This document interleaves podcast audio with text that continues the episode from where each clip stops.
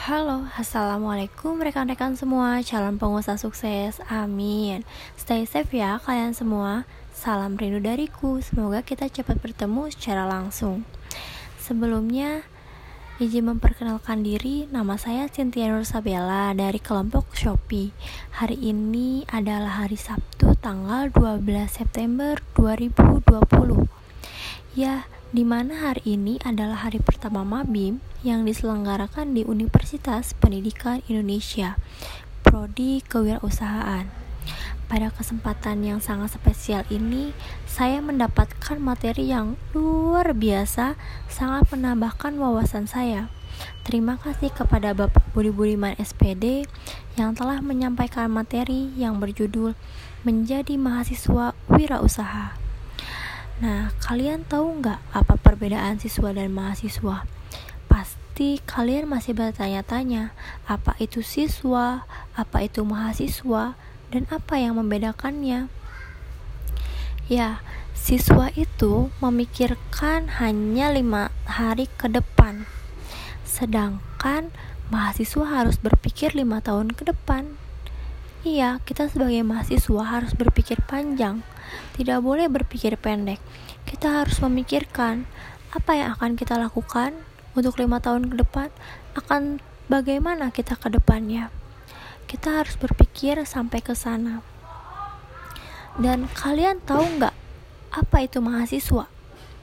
Mahasiswa adalah orang yang belajar di perguruan tinggi, baik di universitas, institut, ataupun akademik. Nah, kalian tahu nggak bagaimana sih harus menjadi mahasiswa? Kalian harus menjalaninya, menikmati, enjoy, produktif, perbanyak link. Jadikanlah kalian itu berbeda dari yang lain. Apa yang membedakannya kalian dengan mahasiswa lain? Yang membedakan kalian adalah jurusan kalian dan apa yang kalian lakukan pada saat kuliah. Apakah kalian akan menjadi mahasiswa yang monoton atau kalian akan menjadi mahasiswa yang aktif dalam organisasi? Kuliah bukan tempat bekerja, jadi jangan berharap dapat uang dari kuliah. Tapi ingat, kita bisa dapat uang saat kita sedang kuliah, bahkan setelahnya.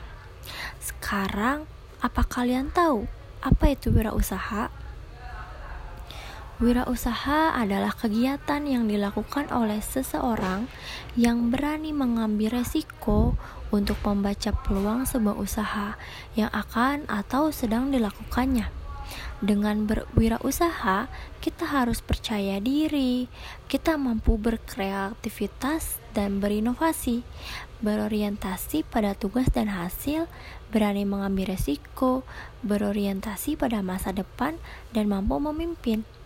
Ya, kita dituntut harus bisa menjadi seorang pemimpin.